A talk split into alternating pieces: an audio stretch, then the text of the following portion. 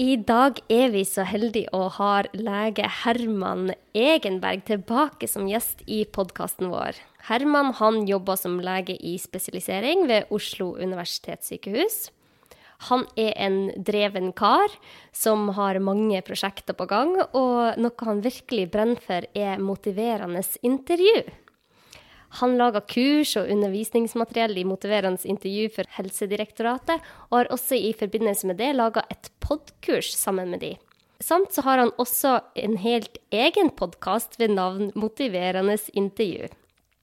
Han Herman han gjester jo podkasten vår i episode 23.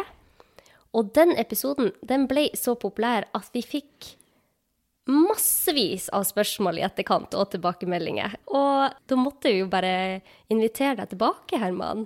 Ja, Nå er jeg spent på hva slags spørsmål eh, du har fått, om jeg kan svare. Ja, altså, det spørsmålet som gikk igjen, var jo eh, plantene dine. Altså, de, ja. de var ikke så interessert i mine problemer, de var jo interessert i dine planters problemer. Ja, men det er jo faktisk eh, veldig godt spurt, fordi uh, der har jeg jo slitt litt i det siste. Ja, jeg du ser, kanskje det. at det har vært en uh, ganske trist utvikling her? Ja, det har vært uh, manne- og kvinnefall. Ja. Plantefall. Så jeg har i hvert fall ti planter som har dødd siden sist. Ja. Sånn. Det er for det meste eføy. Altså Det har vært veldig spesifikke planteraser da, som har gått dukken. Så eføy har ikke klart seg i mitt regime. Okay. Og så et par andre mm, Eh, varianter som eh, rett og slett måtte gå. Det var jo litt trist. Men det som var en veldig god nyhet, var at sist gang jeg var her, så hadde du jo intensivavdelinga. Ja, i vinduskarmen er det intensivavdeling. Ja. Mm. Og der var det jo Det var mange som spurte hvordan det gikk med særlig de, da. Og når jeg kom inn her i dag, så så jeg jo at en av de hadde jo klart seg kjempebra. Ja, faktisk. Intensivavdelinga har det, mm, det Det er et godt tiltak. Så det kan jeg egentlig anbefale alle som har planter. at Hvis det er noen som sliter mer enn andre, så sett de i en egen avdeling og gi de litt ekstra eh, omsorg, for det hjelper. Ja. Så, men eh, det var jo en fra vanlig sengepost igjen nå da, som måtte ut i intensivavdelingen. For den har jo den har bare tre blader igjen. Ja, jeg, men jeg tror kanskje ikke den har eh, overlevd, Herman. Ja, men samtidig, så hvis du ser nærme på den, så har den sånne små, grønne eh, spisser ytterst på bladene. Og jeg tror kanskje det kan skje noe. Ok, ja, nei, men Det er bra du har håpet oppe, og det er jo ikke uten grunn at du tydeligvis har blitt lege. Du liker å styre og stelle med både planter og mennesker. Jeg liker å styre og stelle med både planter og mennesker. Det, det er greit. ja. Ok, men, men, da fikk jo vi allerede svart på eh, det spørsmålet som gikk mest igjen. Og det var jo hvordan det gikk med plantene dine. Ja. Så konklusjonen din var at det gikk ganske bra med noen, men litt mindre bra med ca. ti stykk. Ja, altså strategien fungerer jo egentlig, hvor det er, altså, det er en utvelgelsesprosess som foregår her, og plantene må tilpasse seg min måte å være på og mitt system. Sånn har det i hvert fall blitt da. Men det er mange planter igjen, og det er fortsatt et mangfold. Det er ikke det. Men eføy, eh, beklager, måtte ut, da. Ja, men du har heldigvis et stort mangfold i stua di. Og for alle som ikke klarer å se hvordan du har det i stua di, så det er jo her vi sitter i dag, og du har jo sikkert ja, 30 planter i stua di. 30 planter igjen. 30 planter det var 40, igjen. nå er det 30. Ja. Neste gang du kommer, hvor mange er det da? Kanskje, bare... flere, kanskje, flere, kanskje, kanskje du har kjøpt nye. For jeg ser jo at noen trives skikkelig godt her. Men ja, nok om plantene. Ja, Herman. I dag skal vi snakke om motiverende intervju. Og vi har jo allerede snakka om det. Vi gikk litt inn på det i forrige episode med deg. Og da fortalte du litt om hva motiverende intervju er. Men vi har fått flere spørsmål om du kunne fordype det litt. Så jeg lurte på først, kunne du ha forklart hva er egentlig et motiverende intervju? Ja, altså Jeg kan jo uh, fordype det litt, eller supplere litt fra sist gang. Altså For det første, hvis man virkelig er interessert i å lære seg å motivere en intervju, ja. så finnes det jo en podkastkurs fra Helsedirektoratet som jeg har vært med å lage, sammen med Solveig Høg Krohn. Kjempebra. Så, ja, den, Eh, så hvis man har litt eh, tid til overs og har lyst til å lære seg hvordan man som Eh, Det er jo regna ment for helsepersonell, leger og sykepleiere, psykologer, sosionomer, alt. Um, Men alle kan gå inn og høre på det, og, det, tror jeg folk vil synes er interessant. Men vi, ja, hvor skal jeg begynne hvis vi skal supplere med motiverende intervju fra sist, da? Kanskje vi bare skal kort gå inn på hva det faktisk er, for det er jo mange nye lyttere siden sist. Ja. Den, altså den vanligste bruken for motiverende intervju, det er jo å hjelpe ruspasienter å slutte å ruse seg. Ja. Det er liksom helt uh, den standard. Eh, nå går det an å bruke det mm, mer, men i hvert fall det er helt den typiske pasienten hvor, det, hvor, det, hvor jeg tenker at her må vi gjøre et motiverende intervju. Det er en pasient som har problemer med rus. ja. Da har jeg Jeg jobber jo på en sånn eh, et sånt eh, team med psykosepasienter. Eh, og mange av pasientene mine har eh, rusproblematikk. Så det er særlig én som jeg har veldig sånn tett oppfølging med nå, hvor vi gjør motiverende intervju en gang i uka. Ja. Og, mm, så jeg har fått lov av han da, å fortelle, så jeg bruker han som eksempel i, hvis jeg har noe undervisning eller noe sånt også. Men han, mm, han har schizofreni, så det betyr at han flere ganger har vært eh, innlagt på sykehus med psykose og blir veldig psykisk syk. Og så har han i tillegg eh, bruker han amfetamin. Og det er så krise å bruke amfetamin kombinert med at man har eh, schizofreni, fordi um, schizofreni betyr at du har en lavere terskel for å få psykose. Du, um, ofte så, altså, Avhengig av alvorlighetsgraden så kan du være innlagt lange perioder mange ganger i løpet av et år. Og når du tar amfetamin, så øker du også sjansen for å få psykose. Så, mm, så han eh, Han har jo et kjempeproblem, og det er jo helt ødeleggende for hans liv. Så mm, fra jeg begynte å jobbe med han i starten av mars, og da eh, Da var han ikke interessert i å snakke om rus med oss i det hele tatt. Det tok litt tid for oss å bli kjent og sånn òg, da. Ja. Men da var han veldig avvisende hver gang vi kom på døra og hilste på. Og 'nei, nei, jeg vil sove', og Han ville ikke snakke nesten i det hele tatt. Og så i en periode da så ble han litt sånn dårligere og dårligere. Det var veldig mye rusbruk. Det kom et nytt parti med amfetamin til Oslo i, eh, i, sånn i april en eller annen gang. Så det var, vi hadde nesten alle pasientene våre ble verre i den perioden, for det var så mye amfetamin ute og gikk. Um, men i hvert fall så eh, ble han så dårlig at han måtte legges inn på, på akuttpsykiatrisk. Ja. Uh, han ble utrolig uh, Altså fikk voldsomme sånn depresjonssymptomer. Han var helt sånn urolig og engstelig og fikk ikke sove. Og hadde um, tanker om at demoner hadde tatt over kroppen hans. Og det var helt sånn, han hadde det så forferdelig. da. Kjempelidelse. Ja. Og mm, også sånn eh, Altså, han var til fare for seg selv, fordi han visste ikke hvor han skulle gjøre seg. Han, han slo i stykker eh, møblementet sitt og hadde tanker om å ta livet sitt, og, og det har han jo også hatt eh, historikk med før, da, at han har gjort alvorlige selvmordsforsøk. Ja. Så da ble vi nødt til å legge han inn. Um, og han ble tatt imot på en sånn um, Han, han syntes det var greit å bli lagt inn, men selv om han ikke hadde syntes det var greit, så hadde vi lagt han inn uansett på en sånn tvang, tvungen psykisk helsevern. Ja. Fordi eh, det var, eh, det var såpass farlig. Så var han innlagt en uh, ukes tid og fikk, um, fikk Altså, han står jo på medisiner til fast, men han fikk i hvert fall rusfrihet i en uke. Og fikk veldig sånn tette rammer og tett oppfølging og, og veldig god behandling på akuttpsykiatrisk. Og så kom han ut igjen, og når vi snakka sammen første dag etter at han var hjemme, så sa han sånn Fy søren, jeg har lyst til å bli ferdig med de rusgreiene. Det ødelegger livet mitt. Det var liksom Oi. det klareste jeg hadde sett han siden mars. Og da hugget vi til, jeg og overlegen, og så avtalte vi ja, men da kommer vi innom og gjør motiverende intervju eh, allerede i morgen.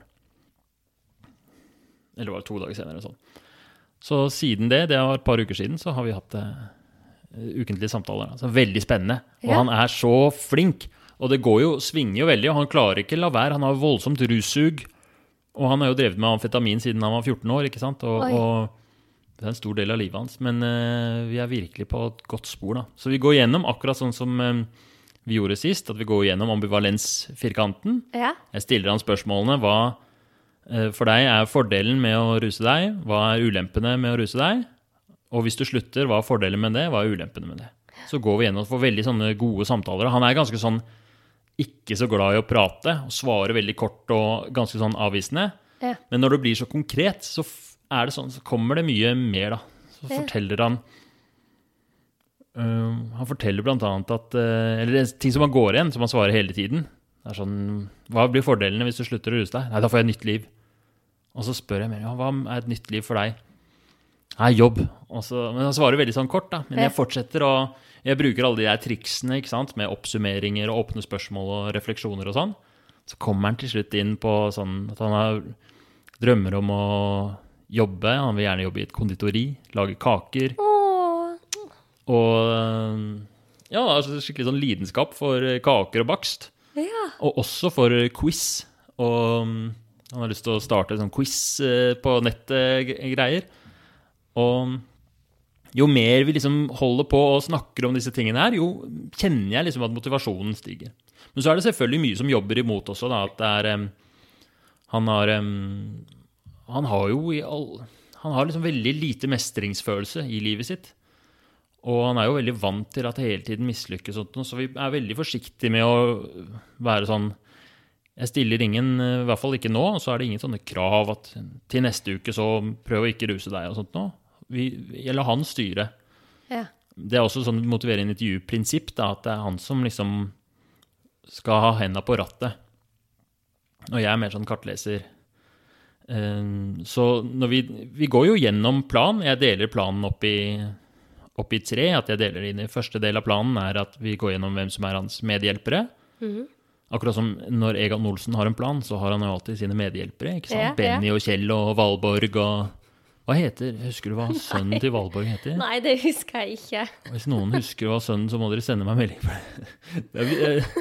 Jeg stopper alltid opp på det hvis jeg skal fortelle om eh, hvordan man lager plan med pasienten. Så stopper jeg alltid opp på sønnen til Valborg. Jeg kommer ikke på hva han heter.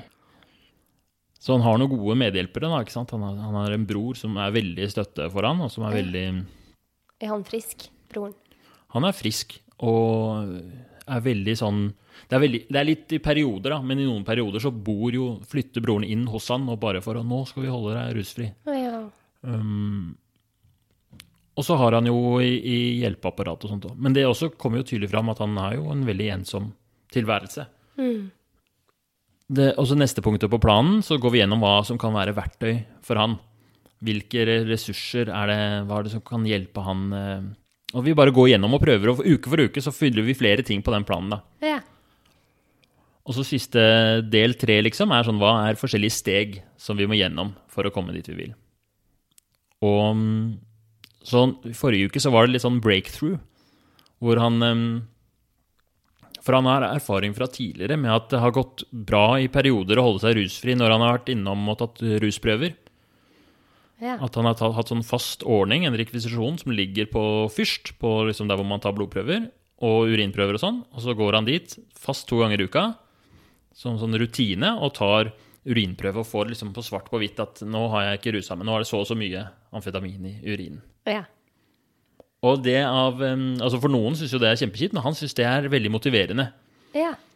Så nå har vi fått laget den rekvisisjonen og sendt den inn, og så har han vært, var han nå på fredag på Fyrst og leverte sin urinprøve. Og så skal vi gjøre det, eller skal vi i hvert fall støtte han i å, at han gjør det, og så fortsetter vi å jobbe med planen og jobbe med om vi kan finne flere verktøy og flere ting, og finne flere steg på veien til å komme dit han vil. Dette er jo kjempeinteressant. At eh, en mann som kanskje mange har gitt opp, har eh, tanker om at han ønsker å bli konditor og holde på med nettkurs. Man, man glemmer det ofte når man ser disse ruspasientene, at dette er jo folk som har drømmer og ønsker egentlig å ha det bra. Og hvis motiverende intervju kan hjelpe, så er det jo helt utrolig. Og Derfor er det så viktig at vi snakker om det. Fordi at det er jo ikke bare hos ruspasienter man kan bruke det. Vi snakker jo om det i forrige episode, at motiverende intervju kan jo brukes med alle relasjoner man har i livet. Så eh, hvordan Vi har fått en del spørsmål om det. Ikke sant? Man har jo disse pasientene som du snakker om. Men Det er flere som har Det har vært eh, noen morsomme spørsmål, men det var annet en kar som spurte Han var helt fortvila over kona sin oppførsel. og han ville gjerne endre henne. Og da lurte han på hvordan skulle han begynne med motiverende intervju på henne. Det er jo et eh, interessant spørsmål. Da. Jeg får- faktisk det en del. Sånn, hvordan kan jeg få den og den til å gjøre sånn og sånn? Og jeg tror at eh, å, å eh, motivere en intervju er et godt utgangspunkt inn i den problemstillinga. Men eh, det er dessverre ikke så enkelt at vi kan bruke et eller annet triks, og så kan du få kona di til å gjøre som du vil. Det, da hadde det hett manipulerende intervju, på en måte. Så, eh, men det som er kult, da, er at eh, motiverende intervjumetoden den tvinger deg jo til å uh, sette deg i din side av bilen, liksom, og sette deg med kartet, og så la den andre styre rattet. Og du får lov å, å styre med å stille åpne spørsmål, ikke sant? Og du får si sånn, hva tenker du er fordelene med hvis, La oss si kona ikke tar oppvasken, da. Hva hadde vært fordelene med å ta oppvasken, og ulempene med å ta oppvasken? Ja. Men det som du blir nødt til å gjøre da også, er jo å lytte til det hun sier. Og kanskje så sier hun at det er grunnen til at jeg ikke tar oppvasken, eller det er fordi da føler jeg at um, jeg er den som ender opp med å gjøre alt. Jeg vet ikke hva det skulle vært, men det som i hvert fall ofte skjer i de intervjuene jeg har, er at jeg kommer jo alltid med en eller annen sånn forutinntakelse, eller kanskje jeg har et mål om at den personen skal slutte med et eller annet rusmiddel, eller begynne å trene, eller hva som helst. Og så stiller man de der åpne spørsmålene, og så er jeg tvunget til å reflektere og liksom holde meg um, Ja, være veldig åpen for det den personen sier. Og det gjør at jeg av og til kan endre mitt synspunkt eller min innfallsvinkel. da. Og så kanskje, kanskje hvis eh, han, um, lytteren, hadde hatt et motiverende intervju med kona om, om det som er deres problemstilling, så kanskje hadde det skjedd en endring hos han òg, da. ja, nettopp. At han blir nødt til å liksom akseptere at ja, ok, det var påsken, det ga litt mening. Eh, og så kommer han til et sånn kompromiss. Så jeg tenker det er et godt utgangspunkt. Ja. Og så um, Men at forventningene burde ikke være at man får alle andre til å gjøre Som man vil. som man vil, men at man kanskje nærmer seg på en eller annen måte, da. Ok, så hvis de skulle ha snakket om dette med han mannen, da, så kanskje ikke sette seg ned og si Vet du, nå skal vi eh, ha et motiverende intervju. Men man kunne jo gått inn på ambivalensfirkanten. Ja, det kunne man gjort.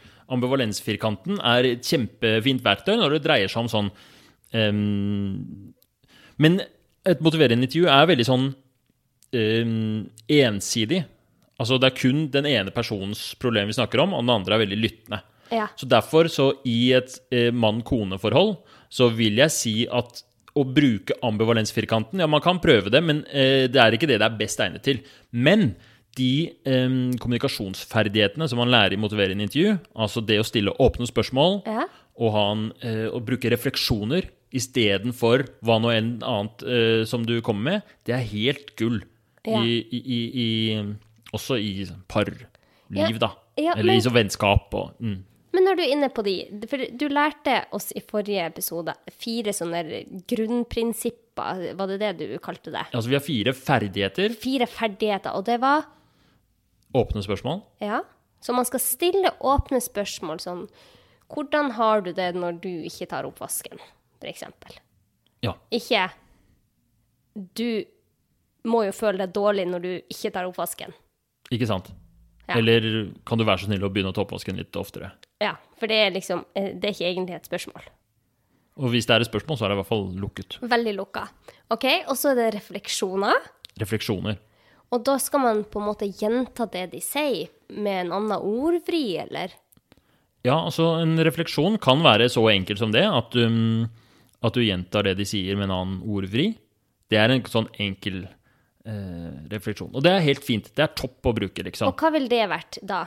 Jeg hører at du sier at eh, når eh, du tar oppvasken, så føler du at eh, jeg bare Ja, hvorfor tar du ikke oppvasken nå, min kjære kone? For at jeg syns at det er mannen sitt arbeid. Altså, du syns at en kvinne skal ikke ta oppvask, egentlig? Nei, nå er det kvinnefrigjøring, og vi skal gjøre andre oppgaver enn bare styre med huset. Ikke sant? Så det var en ganske enkel refleksjon som jeg gjorde. La du merke til det? Da bare Ja. stokka jeg litt om på ordene, Ja. og så bare satte du i gang videre. Og, og liksom um, Grunnen til at det er så lurt å gjøre sånn, er at det blir sånn naturlig flyt i samtalen, og du føler at du er lytta til Ja. uh, når noen eh, kommer med en sånn refleksjon. Eller så kan man komme med en mer sånn Altså refleksjoner kommer fra de helt enkle, sånn som det, til de kan være enda mer sånn komplekse. Ja. Og så, ta, så Jeg stiller deg et spørsmål til, og så skal jeg komme med en refleksjon til etterpå. For eksempel eh, Hvorfor er du så opptatt av eh, at dette med uh, mann og kvinne skal komme inn i hjemmet vårt, liksom, på kjøkkenet? Nei, for at jeg er veldig opptatt av at kvinner og menn er likestilt. Det her er noe som du bryr deg veldig om. Så de, ikke sant? Nå, nå legger jeg Nå driver jeg og gjetter og på en måte eh, leter etter følelser, og jeg går liksom dypere med det, de refleksjonene her nå. ikke sant? At jeg driver og på en måte gjør antagelser for hva du føler, og hva som ligger under det du nettopp har sagt. Ja. Så det er en mer sånn kompleks refleksjon, hvor man prøver å hvor du sier noe, så tenker jeg at det er toppen av isfjellet. Det er sikkert noen sånne sterke følelser som ligger under, og så prøver jeg liksom å lete etter de. Ja. Og um, poenget er ikke å gjette riktig, men poenget er å liksom Da demonstrerer du at her er det åpent for å snakke om følelser, og her er dine begrunnelser for det du sier, er gyldig, og det er Ja, at det er viktig, det du sier, da. ja. At jeg hører på det, og at jeg er nysgjerrig på hva er det som ligger under, og hvorfor, og, og hvem er du egentlig. Og det er et eller annet med at når man gjør det i en samtale Hvis du er, hvis du er på det giret, da er du jo i hvert fall ikke på det giret hvor du driver og skal prøve å overbevise om dine poenger eller manipulere eller noe sånt noe. Da er du på Da er du liksom i en, i en uh, modus som er veldig konstruktiv for en, for en samtale. Og da blir det Åpner vi opp. Ja, nettopp. For da får eh, den andre personen lufta alle de sine tanker som de kanskje ikke har engang reflektert over selv. Ja, det blir, du blir veldig sånn Det blir ofte veldig mye god prat av det. Og så er du også hele tiden sikker på at du har den andre med deg, og øh, uten at liksom Hvis jeg stiller spørsmål hele tiden, så vil jeg jo styre veldig. Mens når jeg sier en refleksjon, så legger jeg jo det helt åpent hva som er det neste. Så det er en veldig sånn um, uh, ja, så Hvis jeg spør deg Hvis du hadde sagt det der med kvinnefiendtlighet, og så spør jeg sånn um, hva i fortiden din gjorde at likestilling er viktig for deg, Ja. så har jeg på en måte Da har jeg bestemt hvor vi skal gå. Men hvis jeg sier sånn Dette her betyr masse for deg. Så kan du gå alle veier ut ifra det. Nettopp. Så det er liksom Ja. Det var et godt poeng. OK. Så man skal på en måte reflektere over det den andre sier. Og hva er tredje prinsippet, da? Tredje prinsippet er oppsummeringer. OK?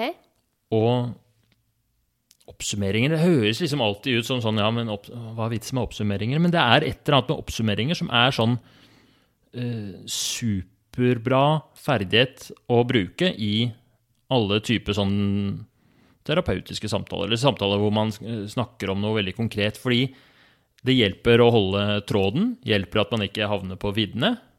Um, og det hjelper også å fange opp i misforståelser. Ofte når jeg oppsummerer nå, så sier jeg sånn Ok, så det du, sier, det du har sagt de siste ti minuttene, er at sånn og sånn og sånn.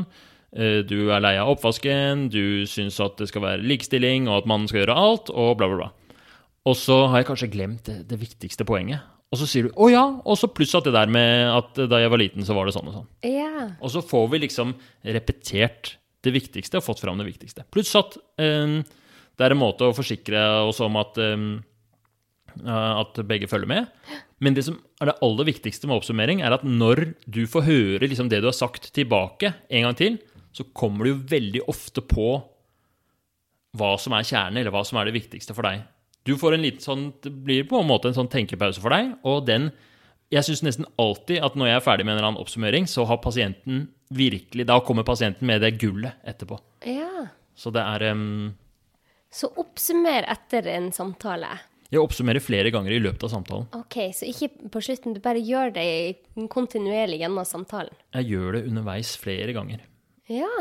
I akkurat motiverende intervju så er det jo også lurt det med oppsummeringer. Så det veldig, passer det jo veldig fint å ta en oppsummering um, etter Først så snakker jeg om fordeler med å røyke, ulemper med å røyke.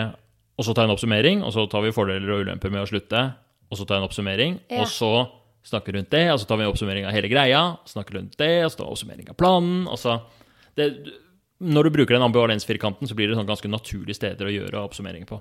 Ja, nettopp. Så når eh, Du har brukt disse tre veldig gode ferdighetene. Men hva er det fjerde? Husker du det? Nei, jeg husker ikke. Bekreftelse. Bekreftelse var det.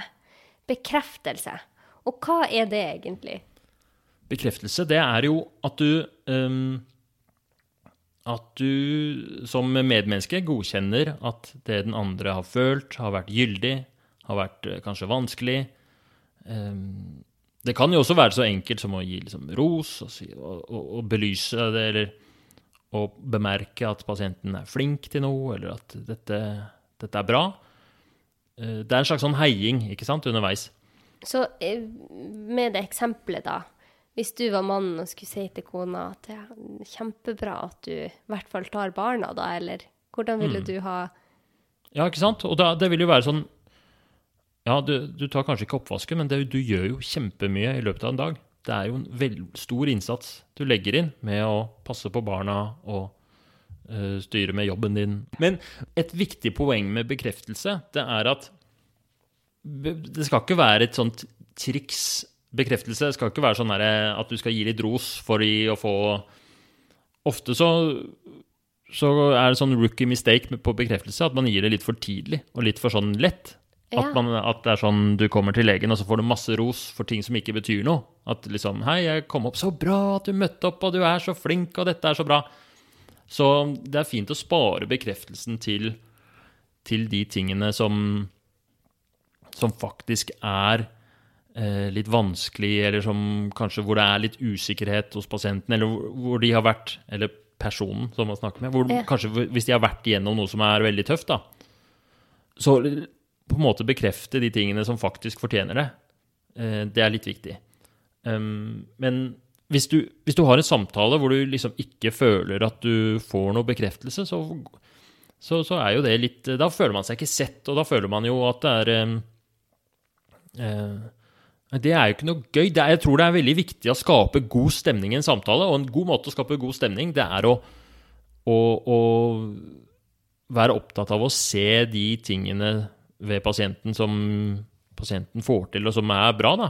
Og vi, altså Alle mennesker går jo rundt og sliter med hvert sitt, og ingen har fått noe bruksanvisning på dette livet, og det er vanskelig å være menneske.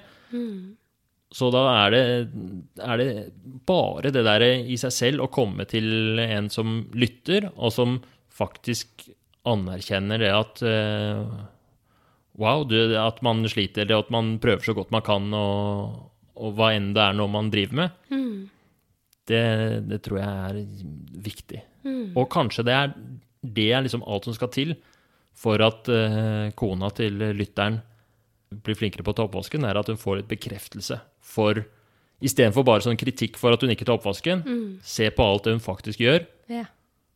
Og hvis det er stemninga man har i huset, at her blir man sett for det man driver med, og alt som man bidrar med, blir eh, heiet på, ja. så blir det jo så mye lettere å ta oppvasken. Jeg håper at han eh, mannen som stilte dette spørsmålet, har fått litt hjelp. eh, for, for at jeg syns det er veldig fine teknikker eller ferdigheter å lære seg. Kanskje han skal kjøpe en oppvaskmaskin. Kanskje det. Men ja, og når vi er inne på dette, så fikk jeg et annet veldig godt spørsmål fra en mor som spurte hvordan hun skulle kommunisere med tenåringsdattera si. Fordi hun følte at ingenting hun sa, ble rett. Og hun ga råd, men det var ingenting som hjalp. Her kan man jo ha en motiverende eh, samtale. Jeg har mange erfaringer. Det er en del lærere som har hatt glede av å lære seg å motivere i intervju. Ja. Og syns det åpner for å, å, en god måte å snakke med elevene på. Så det er veldig vanskelig å gi sånn generelle råd som skal passe til en sånn, eh, en sånn situasjon, fordi eh, kanskje er denne moren kjempeflink på åpne spørsmål, ja. og så er det kanskje det at samtalene blir for åpne, og at eh, Eller at situasjonen At det er på en måte heller rammene som burde endres. Det kan jo hende at Det syns jeg ofte det er med barn, at um, de kan være motiverte, og at det ikke nødvendigvis er det som det skorter på, men særlig jo, jo yngre barnet blir, jo viktigere er det liksom med, med rammene som tilrettelegger for at uh, tingene går bra. Hvis du har et barn som ikke rydder hjemme på rommet sitt, og så eier det barnet dritmange ting, og så er det ikke oppbevaringsplass. Mm. Altså Så kan jo Ofte så er det i hvert fall rammer og struktur.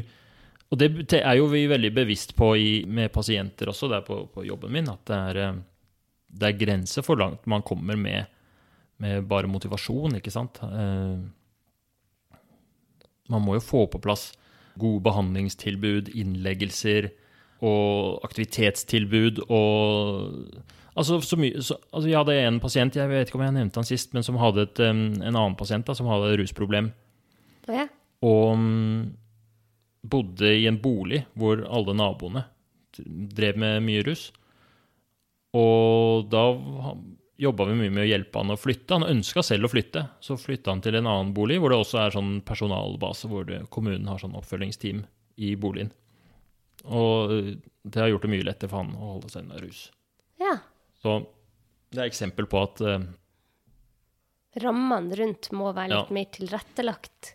Men hvordan uh, Jeg tror at definitivt å um, sette seg inn i, i motiverende intervju og, og være nysgjerrig på hvordan man kan prøve ut forskjellige måter å kommunisere på og se om det funker bedre, det Jeg gleder meg til å få barn sjøl, jeg, og, få, og prøve å liksom eh, kommunisere med barn. Det er jo ganske gøy. Jeg har jo venner som har barn. Det er veldig morsomt å prate med dem. Ja, ja, ja. De er så smarte og oppegående og eh, reflektert, syns jeg. Men det jeg syns er litt interessant med motiverende intervju, er at um, Sist gang så snakka vi jo om eh, mine ting, og jeg skulle bli bedre på et par ting. Jeg er veldig spent på hvordan det går. Ja, det, det må vi komme til. Men det som jeg syns er så fint å hele tida få en Ja, at man får en påminnelse om, er at det å stille de sånn åpne spørsmålene og reflektere over det andre sier, det er så viktig for relasjoner. Det er ikke bare pasienter eller den vanskelige tenåringsdattera. Men jeg tror at vi generelt hadde kommunisert mye bedre hadde vi brukt disse teknikkene. Og jeg er jo blitt mye mer obs på det, at jeg lar de andre få snakke ferdig, og ikke komme med råd med en gang. Jeg trodde jo før forrige samtale med deg at jeg hadde blitt mye bedre på det, men det viste seg jo det at jeg hadde en lang vei å gå. Så eh, det å bare eh, sette seg litt tilbake og høre på dattera di, som f.eks. sier ja, men mamma, jeg blir så sliten av deg. Du skal hele tida mase på meg at jeg skal gjøre sånn og sånn og sånn. Og istedenfor å si ja, men det er jo for at du må gjøre sånn og sånn, og heller svare med at ja, jeg skjønner hva du sier der, og heller bekrefte det de sier. Reflekter hva er det, hva er det du syns at jeg maser for mye om? Gå inn på, still litt åpne spørsmål. For det er så lett å komme i den der gi råd-fella, der man har så utrolig lyst til å gi råd. Og der er jo mange personlige erfaringer at det har blitt mye bedre med mine relasjoner når jeg ikke gir så mye råd. Blant annet så har jeg tre fantastiske brødre. De har jeg ønska Man ønsker sin nære familie og nære venner så vel, så man har lyst til å gi dem råd hele veien. Altså, jeg kunne jo reise hjem i studiet når jeg studerte, i feriene. Flytte inn til ene broren min og bare liksom bombardere han med råd. Dette og dette må du gjøre, og du må vaske hybelen din, og du må Og hvorfor gjør du ikke det og det, og leser du nok, ikke sant? Bare for at jeg har så lyst til at alt skal være bra. Men kanskje de er helt fornøyd med den situasjonen de har. Og av erfaring har jeg jo sett at det hjelper jo absolutt ikke å drive og gi råd hele tida. Så det, det har hjulpet meg mye. Så kult. Det er, ve- det er veldig interessant. Det er jo fordi eh, det du gjør da, når du kom, reiser hjem fra studiet og skal fikse opp i livet til om det er broren eller en annen, så er det jo, det er jo bare kjærlighet det kommer fra, liksom. Det er jo utrolig Det er kun et uttrykk for at uh, du vil vedkommende vel. Men jeg tror du har rett i det du sier, at, eh, at det er et eller annet med det som er uhensiktsmessig. Eller som, i hvert fall hvis det blir voldsomt mye, at man skal fikse opp i alle andre. Så er det mm, Det blir sånn som når man eh, er kartleser da, og begynner å gripe rattet til eh, sjåføren, liksom. Ja, For ja. det er jo hans sitt liv.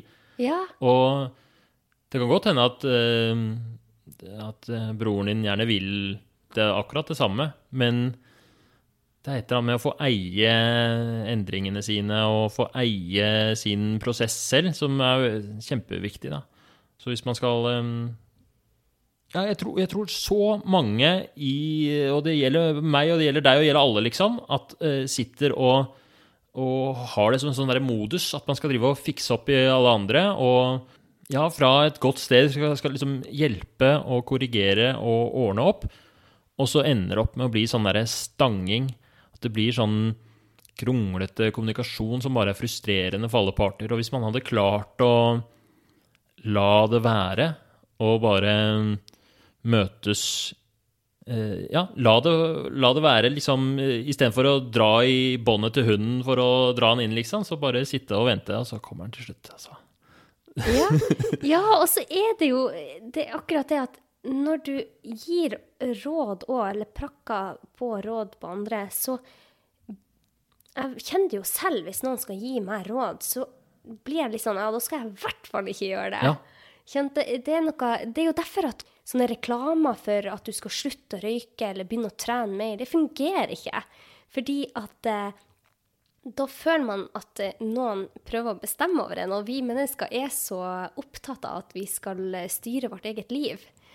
Så det å prøve å heller eh, komme med refleksjoner da, vil jo være en mye bedre måte å snakke med de rundt på enn å si 'vær så snill, slutt å røyke', eller kan, 'du vet jo at du skal spise mer grønnsaker, hvorfor gjør du ikke det'? Jeg prøvde å få faren min til å slutte å røyke hele oppveksten. Jeg hadde ikke sjans, altså. Nei, nei, det hjelper ikke. Det hjelper ikke hvor enn godt du vil. Men det går an å hjelpe andre til å ja, altså nudge og få de til å få en litt annen tankegang. Men da med bl.a. motiverende intervju, eller det finnes jo litt andre teknikker, men i hvert fall ikke si hva de burde gjøre. For bruker du ei setning med 'bør' i, så den, har den ingen hensikt. Da kan du like så greit eh, la være å si den setninga der. Enig. Det er et eller annet med at det er litt sånn nedlatende òg. Sånn, kan du ikke bare Du burde jo bare man, Ja. Ofte så er den derre bare med også, som om det er så lett. Ja, ja, ja, ja. Du kan jo bare ta med eh, gulrøttene i sekken, så spiser du gjennom dagen. Får du veldig lyst til å ta med deg gulrøtter i sekken Nei. da? Fordi da, ved å gjøre det, er nesten en sånn derre et admit defeat, liksom. Det Ja. blir sånn derre nedlatende å gjøre det, fordi da er det sånn Å ja, du visste jeg, Dette kom jeg ikke på sjæl. Jeg tror, jeg tror sånne endringer må skje litt i sitt eget eh, De må skje i hvert fall på folks egne premisser. Ja, men man kan hjelpe dem med å få kartlagt hvordan de har det. Og det gjorde jo du med meg i forrige episode. Der gikk vi inn på mitt eh, behov for å hjelpe andre. Det var veldig spennende. Jeg måtte høre på det på nytt, fordi det var altså så mye interessant der. I ditt, eh, vi snakket om ditt hjelpebehov, Ja. og vi snakket om dårlig samvittighet og iver og og ja, og, og ting som også gjør deg sliten, da. Ja. ja, og jeg trodde jo at jeg hadde blitt bedre på det, men det viste seg jo Jeg fikk, jeg fikk en veldig sånn oppklaring etter forrige samtale.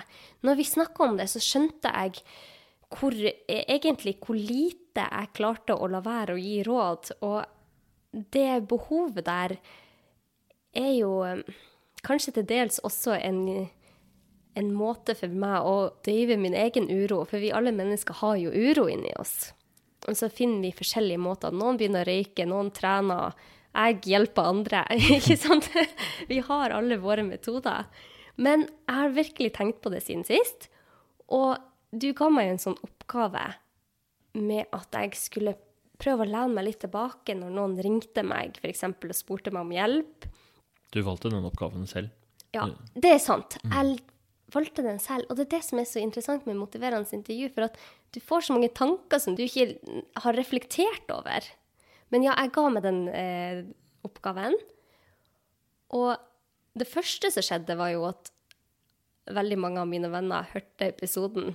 Så jeg fikk jo sikkert 15 meldinger den uka etter jeg lanserte den episoden med deg, der de sier sånn 'Herre min, og jeg håper ikke at det er meg du tenker på når, når, når du sier det at du hjelper for mange'. Og, og, det må jeg bare si at for meg så er det å hjelpe andre en stor del av meg. Jeg elsker det. Det er en av grunnene til at jeg er glad når jeg står opp om morgenen. Så det vil jeg ikke bli kvitt. Det, er en, det liker jeg, og det gir meg så mye. Men jeg er nødt til å bli flinkere til å si nei når det ikke passer. Eller det at jeg ikke trenger å hjelpe alle som egentlig ikke spør om hjelp. Det var jo det oppgaven gikk ut på. Ikke mine kjære venner som har kjempelyst til å hjelpe. Men bare noen dager etter at jeg og du snakka, så kom jeg inn i det perfekte eksperiment der jeg skulle få lov å prøve meg på dette. Og liksom lene meg tilbake og tenke over OK, passer dette eller passer det ikke. Fordi at jeg skulle kjøre ei god venninne av meg til Lillehammer for å hente en hund, en valp. Og det gjør meg jo kjempeglad. Det var en kjempehyggelig tur. Vi kjørte Lillehammer, vi henta valpen, og hun Maja, og hun er bare helt nydelig. Men det er jo litt sånn styr å få en ny valp i bilen, og masse følelser involvert. Og min gode venninne Katrine fikk jo et nytt familiemedlem. Det er jo masse følelser der. Og vi begynner å kjøre hjem, og så ringer et vennepar av meg og sier ja, vi hører at du er på tur forbi Gardermoen. Du kunne ikke bare ha kjørt innom Jessheim og henta en kjøkkenskapdør? Og min umiddelbare reaksjon er jo ja, ja, selvfølgelig kan jeg det. Det, det er jo bare et kvarter av veien, og dette skal gå fint. Og jeg, jeg hører meg selv mens jeg prater med dem, og så tenker jeg dette passer veldig veldig dårlig, vi er dødssliten, og jeg har ikke energi til å drive og lete etter et hus i Jessheim. Men jeg sier ja, ja, ja, selvfølgelig kan jeg det, og ikke noe problem. Nei, jeg har bare en valp i hund, det er ikke noe problem. og så legger jeg på, og så ser jeg på Katrine. Og Katrine har jo hørt den der forrige episoden med deg. og bare ser på meg, og så tenker jeg OK, nå skulle jeg huske på Nå skal jeg tenke over når jeg drev og, og svarte folk på spørsmål, og når, jeg, når, folk spurte meg om hjelp, så skulle jeg jo tenke over om det faktisk passa. Så jeg kjente etter, og magefølelsen min sa jo at dette passa overhodet ikke. Så da gjorde jeg noe som er veldig utypisk meg. Jeg ringte tilbake, og så sa jeg Vet du hva, nå var jeg litt, nå forhasta jeg meg litt. Det passer faktisk veldig dårlig nå. Jeg kan ikke hente den skapdøra akkurat i dag. Wow! Ja. Så bra. Hvordan, hvordan føltes det, da? Nei, det, det føltes jo ikke sånn kjempebra, egentlig. For at når du skal gå ut av et mønster, så er det jo kjempevanskelig det er jo noe du har gått inn i hele livet, og så skal jeg plutselig være den som sier nei. Men det føltes også veldig bra. Fordi at jeg kjente at jeg tok litt kontroll, og at jeg klarte å sette grenser. Og når jeg ringte de, så sa jo de selvfølgelig, herre min, det forstår vi jo så godt. Det er jo ikke sånn at de forventer at jeg skal stille opp til enhver tid. Men det er jeg som forventer det av meg selv. Så de takla jo det kjempefint. Så det syns jeg var veldig deilig at jeg fikk til. Og hun Katrine ga meg masse skryt for det. det var et helt nydelig eksempel, og det belyser jo også det eh, Fordi du sier at når du gjorde det, så føltes så var det litt ubehagelig, ja. og det var uvant, og det var, det var noen sånne negative følelser rundt å gjøre det. Og da er det så fint at når vi For det gikk vi jo gjennom i ambivalensfirkanten. Så, så var det sånn hva kommer ulempene å være med å gjøre det? At det kommer til å være litt vanskelig å si nei, det kommer til å være dårlig samvittighet. Ja. De tingene der. Og så fikk du oppleve det. Kjempebra. Ja, så, så det er jo ikke sånn at at det blir smertefritt å endre et mønster. Det skjønte jeg jo da. At det er jo noe man må virkelig gå inn i og tenke over, fordi at mitt mønster er jo bare ja. ja, selvfølgelig, ja, ja, ja. Og jeg hadde jo ganske dårlig samvittighet, det må jeg jo si. Men jeg må kjenne på magefølelsen min da, når, jeg, når det passer, og når det ikke passer. Så siden da så har jeg tenkt over hvordan jeg Ja, hvordan jeg snakka med familien, og jeg prøvde virkelig å være tilbakelent. Så mye at broren min som var på besøk hos meg, reagerte litt, og så sa han jøss, hva er det slags ny bok du har lest nå? Fortell mer om det. Eller hva, hva var det han reagerte på? Nei, for jeg har jo blitt litt mer tilbakelent på alt. Jeg er jo veldig sånn som gir masse ros hele tida, og, og ja, jeg vil så veldig gjerne at de rundt meg skal ha det bra. Og så var han og jeg, Vi var på senteret på Sandvika storsenter, og han gikk og klipte seg. Og så kommer han tilbake, og så istedenfor å være sånn 'Å, herre min, hvor fin du var på håret', så så, jeg bare 'Å, så bra', og så gikk vi videre.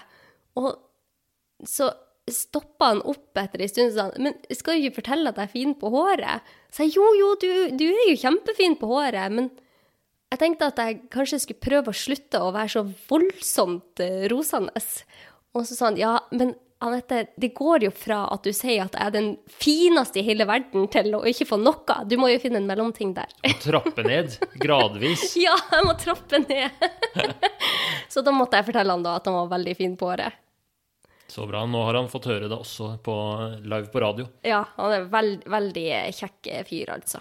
Men det er kjempeinteressant. Jeg syns eh, det er et typisk sånn eksempel på at når man gjør motiverende intervju og har et sånt prosjekt, så ligger det jo i motiverende intervjus eh, natur at man, man konsentrerer seg om en sånn liten, konkret ting. Og det var jo det vi, når vi drev og lagde planen, ikke sant, så konsentrerte vi oss altså, Vi snakka om akkurat det med telefonsamtaler når folk ringer. Vi sa jo ikke sånn du skal si nei til alle som ringer og gir råd, ikke sant? men det var sånn du skal i hvert fall ta deg en pause.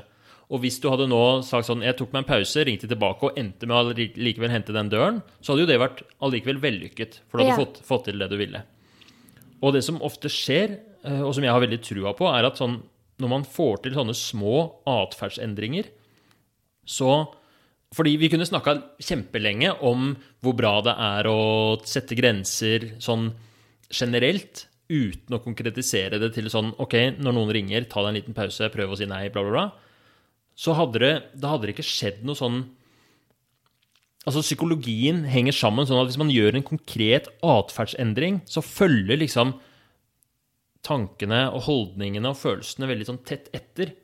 Ja. I motsetning til at hvis man snakker veldig og blir veldig sånn opphauset på å ja, det er kjempebra å sette grenser, og det er, eh, man må ikke gi så mye råd og sånt noe, uten å liksom koble det på noen atferdsendring, så skjer det ikke så mye. Nei. Og så, så eh, jeg syns det var et kjempegodt eksempel, det at du, du gjorde det én gang, og det førte til at neste gang du var med broren din, så hadde du liksom virkelig fått vann på mølla, da, og var, han merka det. At du liksom for vi snakket jo ikke om det der med ros i det hele tatt, at det var en ting og Men det bare fulgte med, liksom, og så er det jo en sånn spennende prosess, da. Ja, ja kult. Jeg syns dette med motiverende intervju er veldig fascinerende. Og jeg kjenner selv at dette er noe jeg har lyst til å bli god på. Så ja, vi snakka jo om det rett før vi spilte inn, at jeg har jo begynt å tenke litt over hva vil man egentlig med livet sitt. Og jeg har jo Jeg elsker å jobbe som lege. Det er det jeg er laga for. Og jeg elsker pasientkontakt, og ja Jeg liker jo å hjelpe folk. Men det jeg skjønte at ikke passer så godt for meg, er å ha mange pasienter veldig tett. For da føler jeg ikke at jeg får gjort den jobben jeg egentlig skal gjøre. Så sånne 15-20 minutters konsultasjoner, det er ganske tappende for meg. For da tenker jeg mye på de i etterkant, og kan ringe de opp, og jeg fikk ikke sagt det, og jeg glemte å spørre om det, og Så det har jeg funnet ut, at jeg tror jeg skal begynne å ha pasienter, men med god tid til hver pasient. Så nå har jeg eh, laga et lite selskap, og så får vi se eh, kanskje én dag i uka der jeg har pasienter. Oi. Men har de har god tid på hver pasient. Og eh, ja, så får vi se hvordan det går. Er det hudbasert, eller er det Nei, det Allmennpraksis? Nei, det er mer sånn Jeg liker jo så godt å se helheten.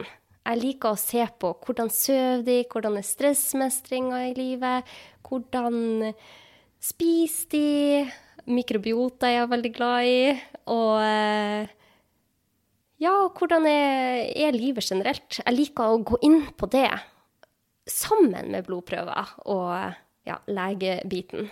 Så, kult. Så det går du i gang med nå, Nei, vi får se. Kanskje til høsten? kanskje til høsten? Ja. Så stilig.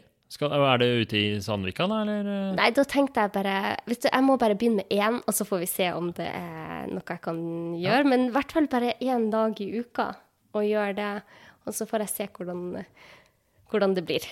Så en slags Du blir sånn um, eh, Ja, det blir sånn et tilbud til de som ønsker eh, legehjelp, men som vil ha eh, Som trenger litt tid på seg, og som vil ha litt sånn helhetlig gjennomgang. Ja, litt mer eh, dypere kartlegging, da. Ja, ja, men da må du ha motiverende intervju inni der òg. Ja, det må jeg jo! Så den ene tingen fører til det andre, altså. Så, eh, så gjør jeg det i tillegg til alle de andre prosjektene. Men det har jeg så lyst til å gjøre, for jeg har så lyst til å kunne hjelpe på et sånt nivå, da. Så ja. Stilig. Nei, men jeg eh, Altså, fy fader, så spennende det blir å følge med på deg og alle dine prosjekter. Ja, jeg- du har nå mange prosjekter, du og Herman. Jeg har faktisk en liten nyhet, jeg òg. Jeg får høre. Jeg har um, søkt meg permisjon fra jobben. Nei. Jo. Så i september så skal jeg ha um, Jeg skal drive litt med undervisning på, for medisinstudenter på UiO i motiverende intervju. Ja? Uh, Men det tar jo ikke så mye tid. Og så jobber jeg litt for Helsedirektoratet med det motiverende intervju-greiene òg. Men uh, jeg skal ha litt, eh, rett og slett litt uh, fri og litt pause. Oi. Fordi det har vært mye jobbing i det siste. Og jeg, altså, nå under pandemien f- Jeg, jeg har vært ganske sliten, altså. Ja. Så jeg har tenkt å mm, Jeg har vært demotivert. Tenk å være demotivert og ha en podkast som heter Motiverende intervju. ja, men det må jo være lov. det er lov, det. I hvert fall det, da, da har jeg tenkt at jeg skal ta en um, eh, ha permisjon i et år, og så vet jeg ikke helt hva jeg skal bruke all den fritiden til. da. Jeg må jo, jeg burde jo egentlig gjøre noe som Altså, jeg må jo få hjula til å gå rundt og sånn. Men, Men um, det kommer. Mm. Bare det å ta det steget der. Det er Og man kan jo gå tilbake, sånn som jeg. Jeg spesialiserer meg jo egentlig til å bli hudlege. Og det har jeg ikke slått ifra meg i det hele tatt. Kanskje det er rett og slett at jeg følger i dine fotspor? At jeg har latt meg inspirere av deg? Kanskje det. Det, var, det hadde vært veldig hyggelig om det var det. Jeg har jo tenkt å fullføre den eh, spesialiseringen. Jeg syns det er kjempespennende med psykiatri. Så det, det er ikke det, men det er, eh, det var bare Jeg har, jeg er litt sånn urolig og rastløs og har lyst til å prøve meg på et eller annet nytt. Ja, så gøy! Ja, men dette blir jo kjempespennende å følge med på deg òg, da. Ja, vi får se. Ja, og man har, skal jo jobbe i 35 år til, så man har god tid til å gå tilbake til det man eh, Ja. Den Det er litt skummelt, da. Syns du ikke du det var det skummelt å ta en pause? Jeg syns det var kjempeskummelt. Jeg husker jeg fikk eh, Jeg fikk tilbud om stilling på Rikshospitalet på hud. Vi hadde flyttet fra Tromsø. Det var jo drømmestillinga. Det er jo kjempevanskelig å få den, og jeg ble jo kjempeglad. Men samtidig så var det et eller annet i meg som sa at nei, akkurat nå så må jeg gjøre dette. Og det er jo podkasten, og så driver jeg jo og skriver i bok. Og, så da tok jeg et lite sidespor. Men sjefen på Rikshospitalet er bare verdens hyggeligste fyr, så han, eh, når jeg takka nei, så sa han så utrolig bra at du har så mange interesser, og du er alltid velkommen tilbake. Så det gjorde meg jo litt roligere. kult. Det er så bra med sånne Kollegaene mine også er supergreie. Ja. Det er så viktig. ja. At Man får eh, støtte til det, for det, ja. Så bra. Hva, hva, var, hva var grunnen til at du Eller hva var det du så for deg at du skulle drive med, da? Eller visste du det? Liksom, her blir det Det blir podkast, det blir Nei, altså Ja, det jeg visste, var at eh, jeg skulle drive den podkasten med Ida, min kollega. Og så tenkte jeg bare at det får bli starten, og så får jeg se hva jeg gjør. Men det jeg er veldig opptatt av, og jeg elsker jo den delen av medisin som de fleste leger syns er veldig hva man skal si, usexy. Det er jo den forebyggende delen. Jeg elsker forebyggende medisin. altså, det gjør meg så glad. jeg står opp om morgenen og leser om forebyggende medisin, og det er det siste jeg leser før jeg legger meg. Jeg syns det er så spennende hvordan vi kan holde oss friske. Og også det at når man først har blitt syk, hvordan man kan bli bedre. For det er jo mange som tenker at når de har fått en sykdom, så blir det bare verre og verre. Men man kan jo bli bedre. Og det jeg syns er så fascinerende, er at det er så mye vi kan gjøre selv for å få det bedre. Søvn, bevegelse. Det å fokusere på pusten sin. Tenk det at det å roe ned og puste med magen kan gjøre at stresshormonene i kroppen synker. Det, det, er ganske spennende. Det er veldig morsomt å se på deg snakke om disse tingene, for du blir jo helt super Du får nesten tårer i øynene. Du er så engasjert. Du elsker dette her. Jeg elsker det. Og så er det jo dette med tarmbakterier. Det er så spennende, Arman. Har du satt deg inn i mikrobiotaens verden? Jeg, har, altså jeg synes også det, det jeg har lest om tarmbakterier og hørt, er jo utrolig spennende. Da. Jeg hørte en gang at man har tatt um, transplantasjon av avføring fra en som var ikke deprimert, til en som var Det kan hende det var mus, nå husker jeg ikke. Men i hvert fall ved Du kunne behandle depresjon ved å eh, transplantere avføring. At uh, Så hvis en pasient Potensielt da, så kan man komme fram til at en pasient som er deprimert, kan bli bedre av å få eh, en frisk persons avføring inn i tarmen sin.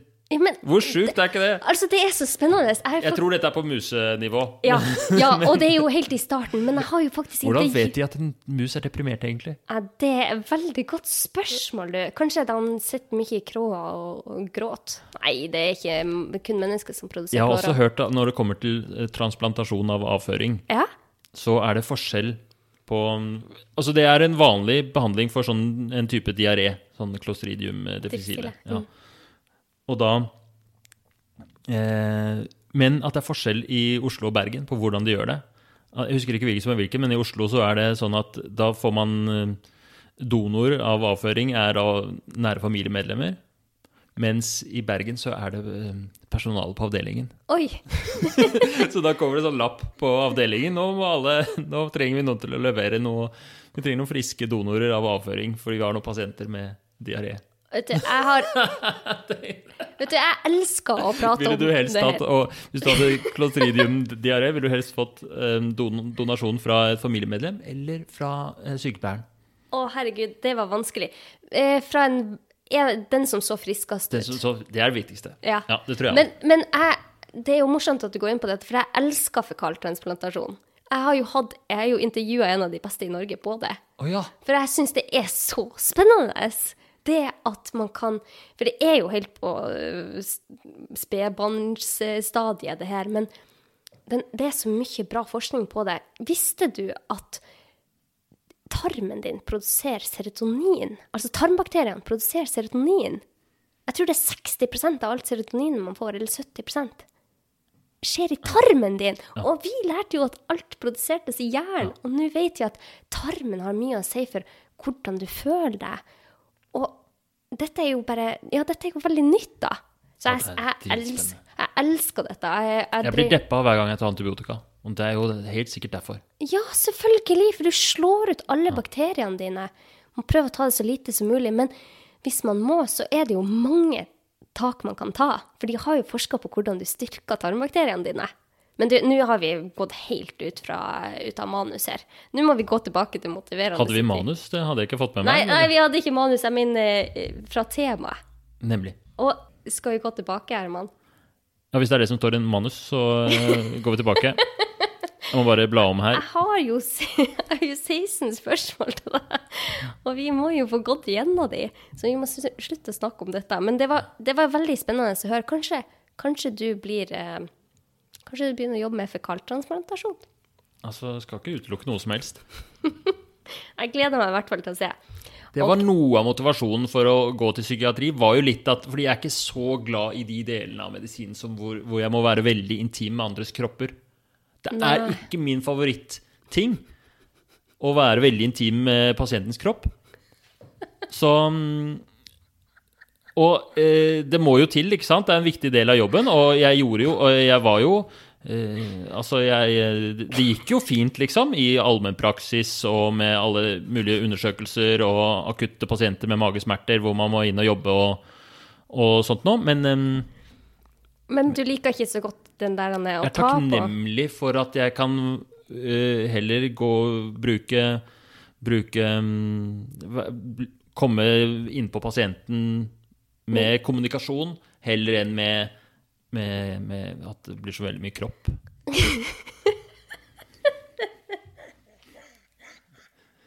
Går det bra? Ok, ja, men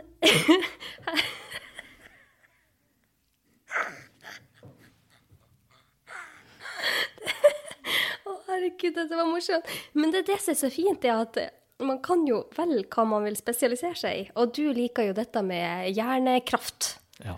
Ikke sant? Snakke og motivere andre. Og da har du funnet din retning.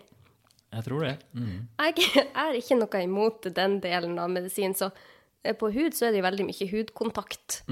Det syns jeg er kjempespennende. Tap og eksem og ja, det, det, det, det har ikke jeg noe problem med. Men det er bra! Man må finne sin vei her i livet. Nå ble dette veldig dypt. Eh, vi har fått litt flere spørsmål, Herman.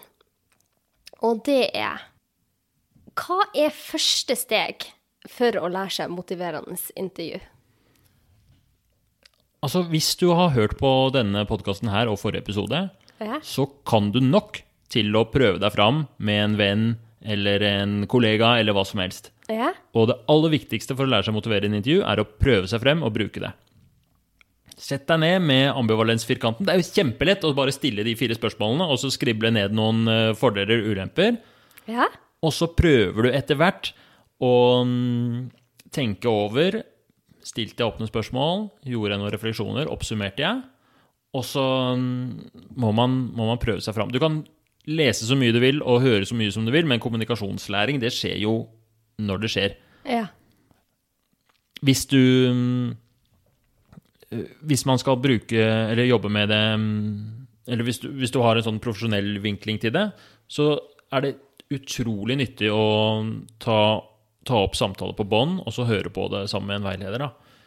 Det gjør vi jo i, i psykiatrien. I, vi har psykoterapiveiledning. Ikke bare i motiverende intervju, men eller det som vi, jeg lærer nå, er sånn psykodynamisk terapi. Ja. Sånn den der klassiske ligge på, ligge på mm, Hva heter det for noe? Eh, En sånn mad madrass, seng. en seng, Ja. og um, ligge på benken, liksom, og få ja, gjør de det? Liker de på Det er, det er mange som gjør det, Oi. og som virkelig kjører um, altså psykoanalyse. Oi. Og da har jeg samtale med en pasient og så ta, hver uke, og så tar jeg det opp på bånd. Og så spiller jeg av eh, deler av den samtalen sammen med veilederen samme uke. Så går vi gjennom ja, det var bra, det var ikke bra. Men der, der så s- vridde du det den veien, ikke sant? Men jeg ble veldig nysgjerrig på akkurat det og det. Hva tenker Og så er det jo helt sånn utrolig lærerikt, da. OK. Så, um, så hvis man virkelig vil bli helt rå i motiverende så anbefaler jeg meg å lage en podkast Ja. og intervjue sånn som jeg har gjort, for det har vært veldig lærerikt, da. ja jeg syns det har vært veldig interessant å høre på eh, de her episodene dine. Hvordan man eh, Man tenker ikke over det hvis man ikke kan eh, de metodene, men hvordan du reflekterer over det de sier, og kommer med gode bekreftelser. Det er Ja, det er kjempebra. Ja, tusen takk for at du synes I hvert fall, men svaret på spørsmålet eh, først og fremst er å Hvis du vil bli eh, god på motiverende intervju, så må du trene. Ja. Og det gjør jeg hver dag. Trener jeg hvis det er noen som spør meg om hjelp, så prøver jeg å tenke over om dette passer. Og det gjør som regel det. Så kult. Ja. OK. Ja, men da, har vi, da må jeg spørre deg et siste spørsmål, Herman. Og det er Har du noen siste råd eller tips til lytterne våre for hvordan man kan få bedre relasjoner i livet? Wow. La meg tenke litt. Jeg har em, to ting. Når det kommer til eh, relasjoner og mm, så er det én faktor som det har blitt forsket på, som er den viktigste faktoren for hvor eh, tett og nær en relasjon føles. Og det er mengden tid man har tilbrakt sammen. Er ikke det interessant? Oi. Man skulle jo tro at eh, det er forskjell på Eller det, er veldig viktig å gjøre sånn og sånn i relasjonen, eller det er veldig viktig at man har dype samtaler, eller at eh, Men det aller viktigste for eh, nærheten av en relasjon, det er eh, den viktigste faktoren. Det kan jo selvfølgelig være eh, Det vil alltid være variasjon og forskjell og sånt, men den viktigste faktoren er hvor mye tid man har tilbrakt sammen. Så man, det liker jeg å tenke på, da, for man trenger ikke å gjøre noe for at et vennskap eh, Nødvendigvis for at vennskap skal være bra, eller for at et eh, kjæresteforhold skal fungere. Det aller viktigste er at man tilbringer tid sammen. Det syns jeg er fint å tenke på. Ja, det likte jeg så godt. Det visste ikke jeg. Det var veldig interessant. Det er vel kanskje derfor man har så tett forhold til eh, søsknene sine. For man har jo tilbrakt mest i verden med de. Ja, og man merker det også med kollegaer. At man kan ha, man kan ha kollegaer som man har veldig lite til felles med, eller, eller at man kan tenke sånn Ja, den personen Og så møter man kollegaen ute tilfeldigvis, og så er det så hyggelig. Ja. Det syns iallfall jeg alltid. At når jeg plutselig så er det en sånn jobbpils eller noe sånt Noe, sånn, fy fader, jeg har ikke hatt jobbpils på år og dag. Jeg savner det så mye. Å ha jobbpils. Den pandemien tar knekken på meg. Men anyways. Ja. Det er så eh, Altså fordi man har tilbrakt så mye tid sammen, og som ikke har vært har jo ikke handla om å bli kjent i det hele tatt, men så man, kjenner man en sånn der nærhet, da. Jeg synger i et kor, og det er også Oi. den samme eh, Birkelunden mannskor. Og der kommer det nye korister eh, hvert år. Ja. Og så er det alltid sånn i starten med de nye koristene, så flyter det ikke sånt noe. Og så uten at man merker det, og uten at man gjør noe annet enn å eh, Jeg har ikke snakka noe mer med han andre tenoren, eh, fordi vi har jo bare hatt øvelser og sunget sammen, og sånt nå, men neste år, når det kommer noen andre til, så merker jeg at det er så mye lettere å Da har han liksom blitt gammel, da. Så har jeg kjent han i et år. Ja, ja. Uten at vi har snakka sammen engang, så har vi fått en eller annen relasjon. Og det er sånn Ja, ja, han er, han er helt uh, Mens i starten så var det sånn Å, hvem eh, det var, det var kleint da, ikke sant. Ja, men jeg kjenner meg så godt igjen i det. Man blir jo så glad i Jeg savna jo ofte de kollegaene jeg hadde i Tromsø, selv om vi hadde veldig forskjellige interesser. Og mange av de ble kanskje litt lei av at jeg hele tida prata om tarmbakterier og hud. Men de, man blir så glad i hverandre, for at man kjenner hverandre på en annen måte når man er så mye i lag. Det var interessant. OK, så det var første. Det var første. Og så det andre det er jo det vi har snakket um, snakket mye om, da. Men um, som jeg i hvert fall prøver å være bevisst på selv, og som jeg vet, og som er jo litt det samme som vi har snakket om eh, for din del òg, det er det der med å uh, la folk få styre Holde rattet sitt sjøl. Ja. Og mm, jeg har jo eh, venner som jeg liksom Jeg også har den der refleksen om at jeg gir mye råd og mm, er jo veldig gira på at folk skal Jeg blir jo, er jo engasjert, ikke sant? Men mm, det, det som vi har snakket om i disse to episodene, og som det, det tenker jeg gjelder i hvert fall for meg, og det tipper jeg gjelder for mange, det er det å, å um, la, la, folk, la folk være litt. Men altså, akkurat i, i det der med å, med å gi råd og, og, og drive og at man skal styre andre, da. ja. Det tror jeg er viktig. Og der er vel, der er jo motiverende intervjuen eh, eh, Det lærer deg jo å ha de relasjonene Ja. med å ikke komme råd hele tida. Så det var veldig gode råd, Herman. Jeg syns det er så spennende å prate med deg. Ja, men så bra. Jeg syns det er veldig eh, utrolig spennende å prate med deg òg. Du, er du er flink til å stille spørsmål, og du er så engasjert og gira at man blir jo helt drevet med. Så eh, tusen takk for at jeg har fått eh, komme og prate. Ja, og du er, blir nok invitert tilbake i nærmeste fremtid. Ja, men så bra. OK, ha det godt. Ha det bra.